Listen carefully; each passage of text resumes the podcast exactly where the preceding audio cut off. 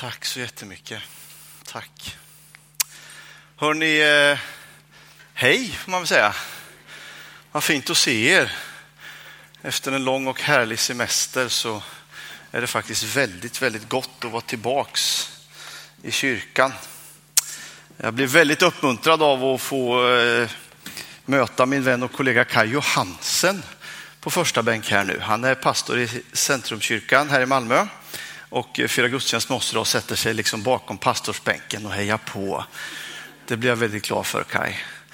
Eh, Kai skrev ett väldigt eh, energifyllt Facebook-inlägg i veckan. Han tog ett kort på sig själv på sitt kontor och beskrev hur inspirerad han var att få börja jobba igen efter en lång och härlig semester. Så läste jag det här och så tänkte jag, ja men jag kanske känner lite så också. Inte fullt så kanske, jag hade det, det är väldigt skönt att vara ledig hörni. Eller hur? Men jag är väldigt glad att vara här och vara igång och få dela Guds ord med er. Eh, det här är liksom hemma för oss. Vi hör hemma, vi hör hemma här. Eh, och, ehm, mm, så därför så ser jag fram emot att få dela berättelsen om eh, kvinnan med balsamflaskan. Det var en väldigt bra idé. Nu ska vi se om jag... Ja, vi har ingen PowerPoint-tekniker idag, så då får vi ta ett litet... Jag ska vara uppkopplad här, ska vi se vad som har hänt. Mm.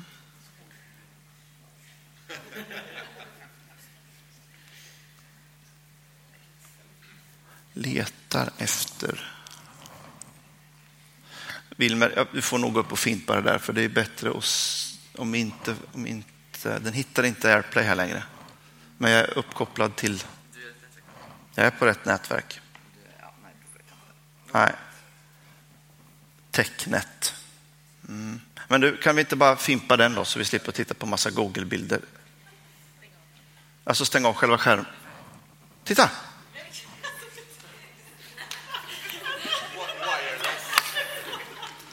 Ja, det finns PowerPoint-tekniker och så finns det PowerPoint-tekniker som de gör så. Hörrni, eh, vi är inne i denna eh, serie om eh, Jesusfolket, människorna som rörde sig runt Jesus Kristus. Och vi har kommit till berättelsen om kvinnan med balsamflaskan. Och jag eh, märkte när jag tog mig an den här texten att det finns ju väldigt många kvinnor med balsamflaskor i Bibeln. Eh, åtminstone vad det verkar i Nya Testamentet, åtminstone vad det verkar tre stycken. Eh, och eh, vi har eh, Johannes. Dessutom är det så här att vid två tillfällen så befinner sig Jesus i Betania. Eh, och så dyker det upp kvinnor med balsamflaskor där för att smörja honom. Eh, ena gången så är han hemma hos eh, Simon som är spetälsk och den andra gången så är han hemma hos eh, Marta och Maria. Och det är Marta som bryter nardusbalsamen över Jesus. Ehm, i Johannes evangeliet så, så Eh, eh så det finns en irritation över kostnaden där i både Johannes och i, i Matteus och Markus. Och sen läste jag den berättelse som jag tänkte utgå ifrån och då blir det ännu rörigare för att då är inte Simon längre spetälsk utan då är Simon farisé. Så vid, vid båda de här tillfällena så finns det en Simon med i berättelsen. Eh, och när jag tänkte på det här så tänkte jag, är det så att har evangelisterna rört ihop de här berättelserna, blandat dem? Eller är det så möjligtvis att vi pratar om flera tillfällen? Och jag tror faktiskt att det är så att det är, det är flera tillfällen. Det var lite sed och kutym vid den här tiden att man, att man tog hand om sina gästers hygien genom att smörja med olja på olika sätt. Och det blev ett, ett, ett, en, en bild, framförallt för Johannes, en bild av Jesus sista smörjelse, hur de här människorna förberedde Jesu död. Ehm, och därför så eh, har alla evangelister med den här berättelsen på lite olika sätt. Och jag tror att det hände vid olika tillfällen och det var lite olika människor med. Men den jag ska eh, dela med er, den återfinns i Lukas 7, versen 36 till 50. Och jag tror faktiskt att vi gör så att vi reser oss när vi läser dagens text.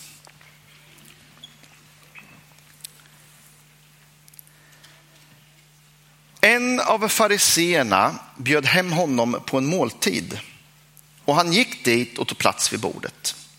Nu fanns det en kvinna i staden som var en synderska Och när hon fick veta att han låg till bords i farisens hus så kom hon dit med en flaska balsam och ställde sig bakom honom vid hans fötter och grät.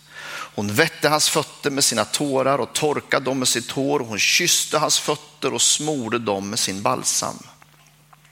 Farisén hade bjudit, som hade bjudit honom såg det och sa för sig själv, om den mannen vore profet, då skulle han veta vad det är för sorts kvinna som rör vid honom, en synderska. Då sa Jesus till honom, Simon, jag har något att säga dig. Säg det mästare, sa han. Två män stod i skuld hos en penningutlånare. Den ena var skyldig 500 denarer och den andra 50. När de inte kunde betala så efterskänkte han skulden för dem båda. Vilken av dem kommer att älska honom mest? Simon svarade, den som fick mest efterskänkt skulle jag tro. Du har rätt, sa Jesus.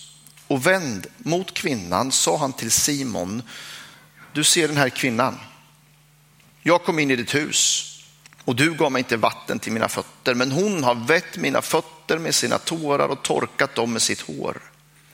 Du gav mig ingen välkomstkyss, men hon har kysst mina fötter hela tiden sedan jag kom hit.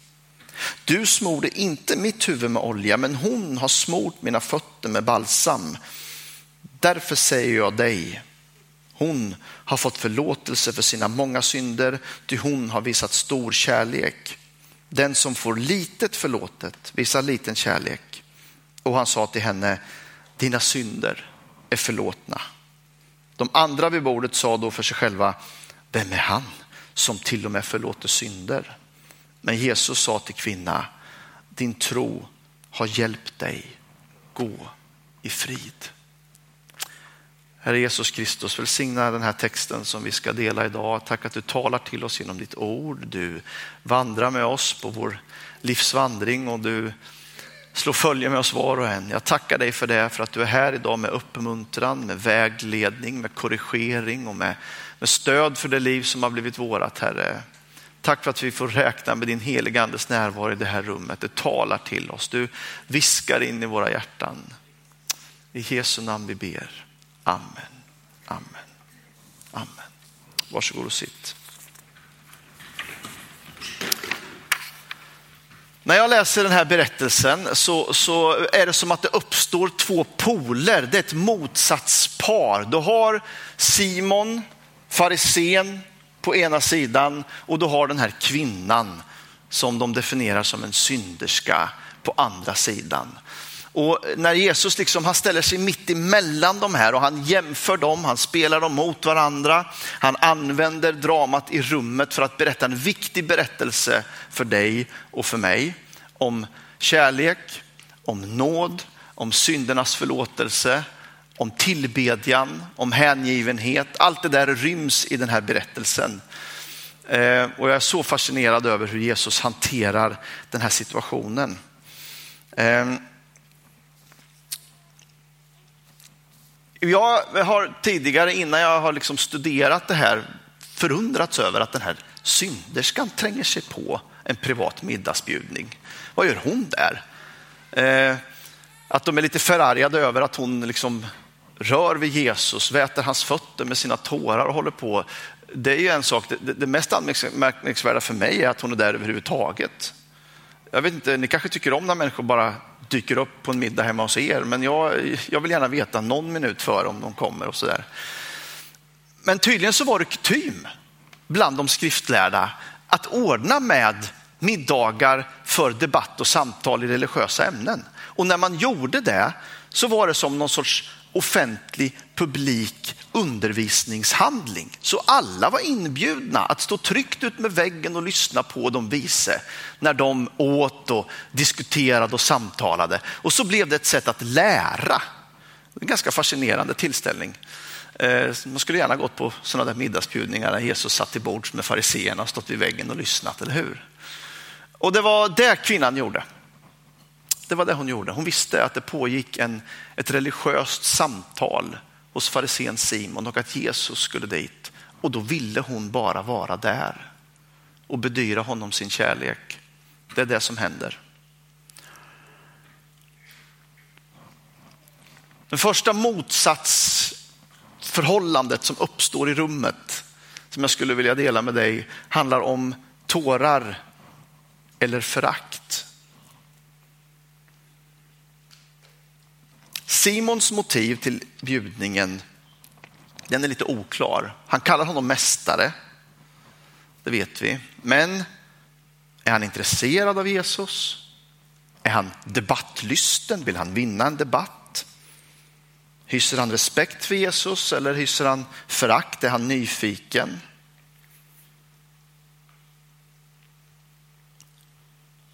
Och så kommer hon in då på scenen, synderskan, vars synd förblir okänd för oss. Det är inte orimligt att tänka att hon var en prostituerad. Eh, många gör den, den bedömningen, men det står inte. Det står bara att hon är en synderska. Hon är förkrossad. Jag vet inte om du någon gång har försökt att väta något med dina tårar.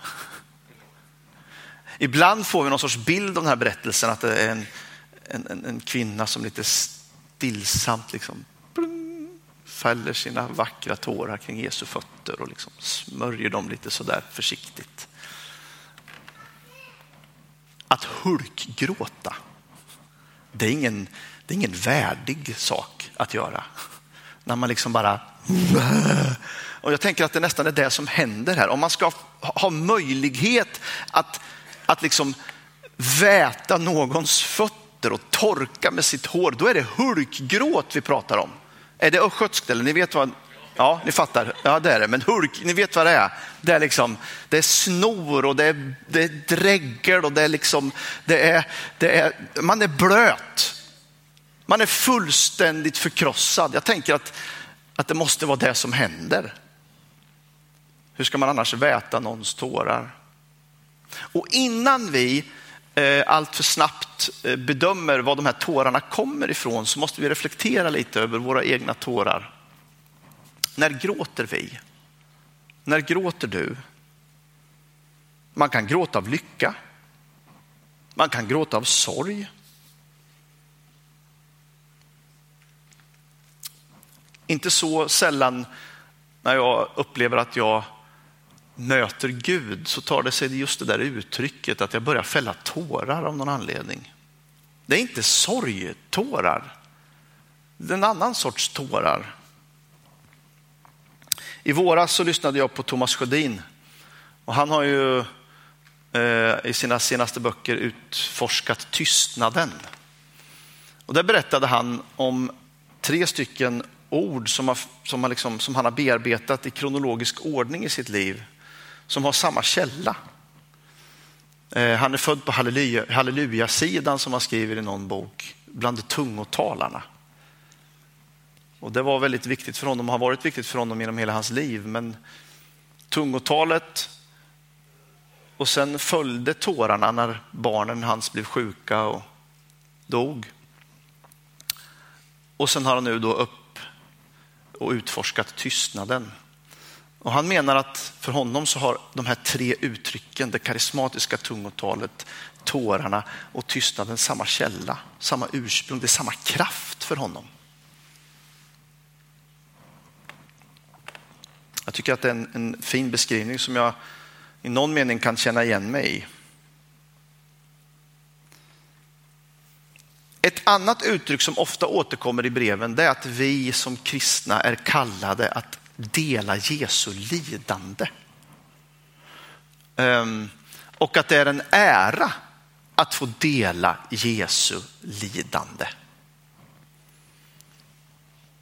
Och då, ibland, oftast i breven så tror jag att det handlar om, om rent fysiska förhållanden. Man, man förföljs, man lider för Kristus, man har tagit ställning för Kristus och då blir man en, en förföljd person eller man hamnar i ett sammanhang som, som orsakar lidande fysiskt. Men andligt är man befriad medan kroppen får lida. Väldigt många som har upplevt en, en, en, kallelse, har en kallelseberättelse i sitt liv, kanske till mission eller diakoni eller socialt arbete någonstans, berättar ofta det där att jag blev drabbad av nöden. Jag såg människorna och de var illa medfarna som får utan herde. Och så gråter man och så känner man Gud vill att jag ska ägna mitt liv åt det här. På den här platsen, de här människorna, det här sammanhanget. Men det är som att man blir berörd av Guds medlidande med den här världen. I tillbedjan så blir hans sorg för världen min sorg och så fäller jag tårar. Jag vet inte vilken sorts tårar den här kvinnan fällde. Jag lutar åt att det var förkrosselse över sin egen synd. Skammen i de andras blickar. Förkrosselsen är faktiskt en ganska åtråvärd upplevelse. Att bli så illa berörd av sin egen oförmåga, det är första steget emot frihet.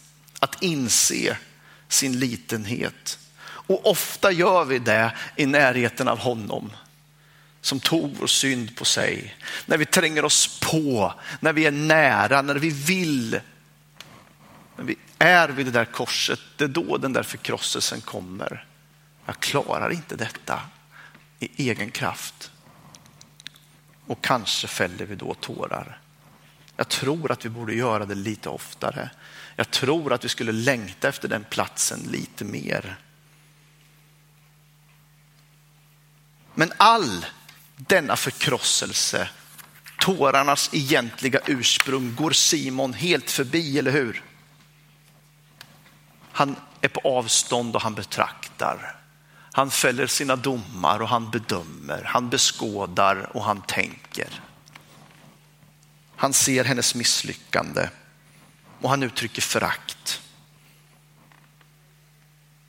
Det är genom hennes tårar som han dömer både Jesus och kvinnan. Hur kan han vara profet? Då skulle han minsann se. Då skulle han också ta avstånd. En sån kvinna kan man inte vara nära.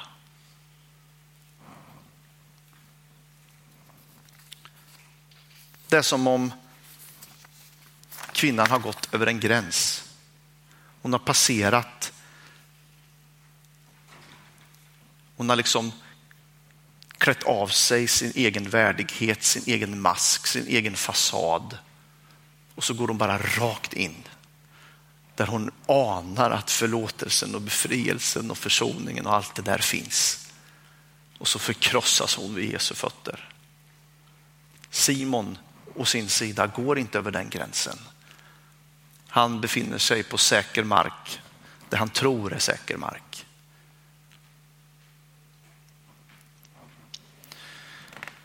Och då är frågan, och det här är det andra, det andra motsatsparet jag detekterar i den här berättelsen för mig själv.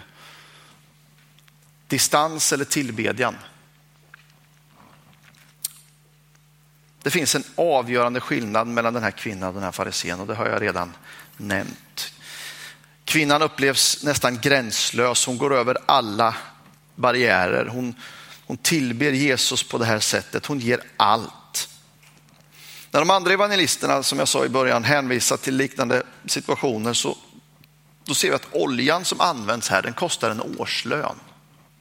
Det är en extremt ekonomiskt stor insats som hon går in med här.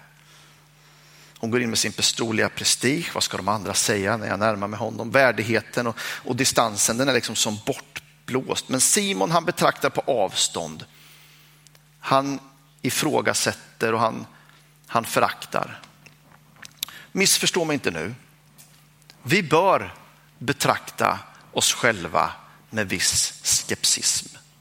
Vi bör syna våra ledare och deras motiv och hur de är.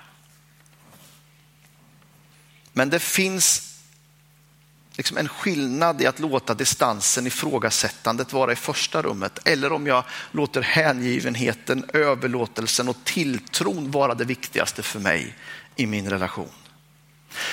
Ja, men det är inte Jesus jag ifrågasätter kanske du säger. Det är församlingen och konstruktionen kring det där, när de kristna samlas, kulturen som uppstår. Det är den jag inte riktigt kan med. Jesus tycker jag om. Men församlingen, mm, den har nog gjort sitt för mig. då är jag hemskt ledsen att behöva säga till dig att den hållningen är omöjlig att ha. Det är som att säga att man älskar vatten men hatar havet. Jesus har gjort sig till ett med oss, vi är hans kropp.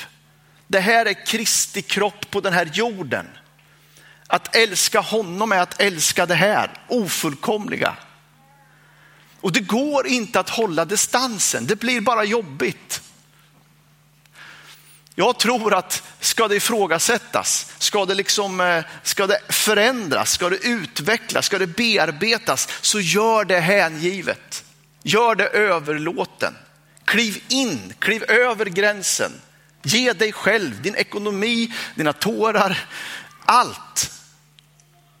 För där är mycket behagligare att vara. Det är mycket behagligare att vara där. Sen kan vi prata om maner och vi kan prata om kultur och vi kan prata om språk och vi ska såklart prata om vårt uppförande och allt det där som är viktigt. Men det finns en avgörande skillnad i om jag betraktar på avstånd och tycker och tänker eller om jag har överlåtit mig själv till Kristus, till församlingen. Och det kanske starkaste för mig i den här berättelsen och det jag hoppas att du tar med dig härifrån idag, det är hur Jesus låter sig tillbes av denna syndare. Är ni med? Han tar emot hennes tårar. Han tar emot hennes tillbedjan, hennes överlåtelse. Han, han, han liksom bärs av den i rummet. Det är inte den självrättfärdige gode farisén på avstånd. Han som har bjudit på middag, han som har bjudit in de som är huvudpersonerna kring, kring matbordet. Det är en perifer person. En som fick stå ut med väggen en som de andra föraktade. Det är den som liksom lyfter Jesus i det här rummet. Det är den som ger allt. Och Jesus lyssnar på din och min tillbedjan oavsett vad. Är du med? Det finns inte en plats i livet där du är där han inte skulle lyssna. Det finns ingenting du har gjort som skulle diskvalificera dig för att vara där han är och lyssna på, liksom, att, att, att ha tillträde till honom och uttrycka ditt hjärta gråta dina tårar. Det finns ingenting som håller dig undan från honom.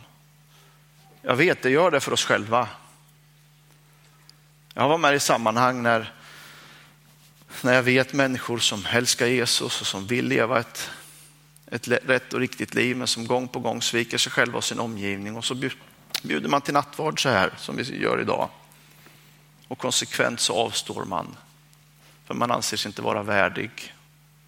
Och jag har så önskat att jag nästan kunde tvångsmata de här vännerna. Ta emot. Det är detta du ska ha. Det finns inget annat. Ja, men du vet inte vad... jag... känner du ånger i ditt hjärta så kom och ta emot idag.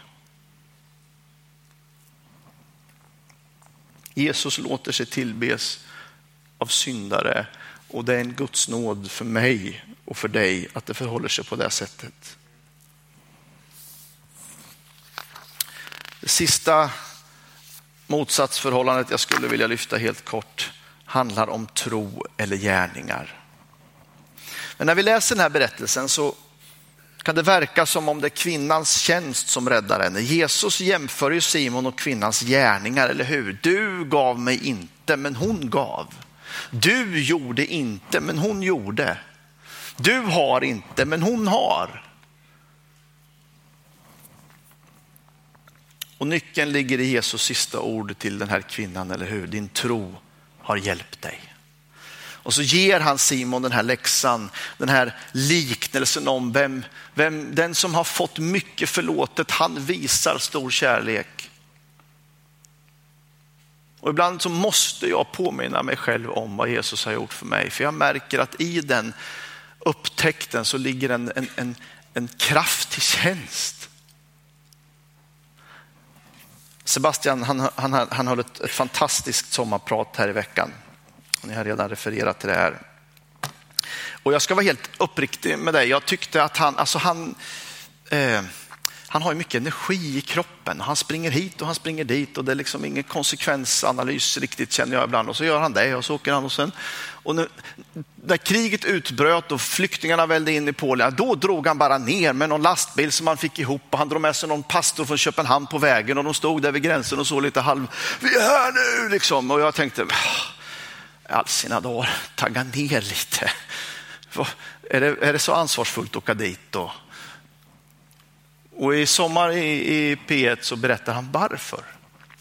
Och jag skäms lite för min egen eh, bedömning på avstånd. Eh, när han säger att jag har, jag har fått så mycket förlåtet. Jag har också varit i helvetet. Och när de här människorna befinner sig där så bara måste jag dit och hjälpa dem. Jag bara måste. Och hade det inte varit för hans nyfödda barn och hans hustru så hade han åkt till Syrien också när det smällde där.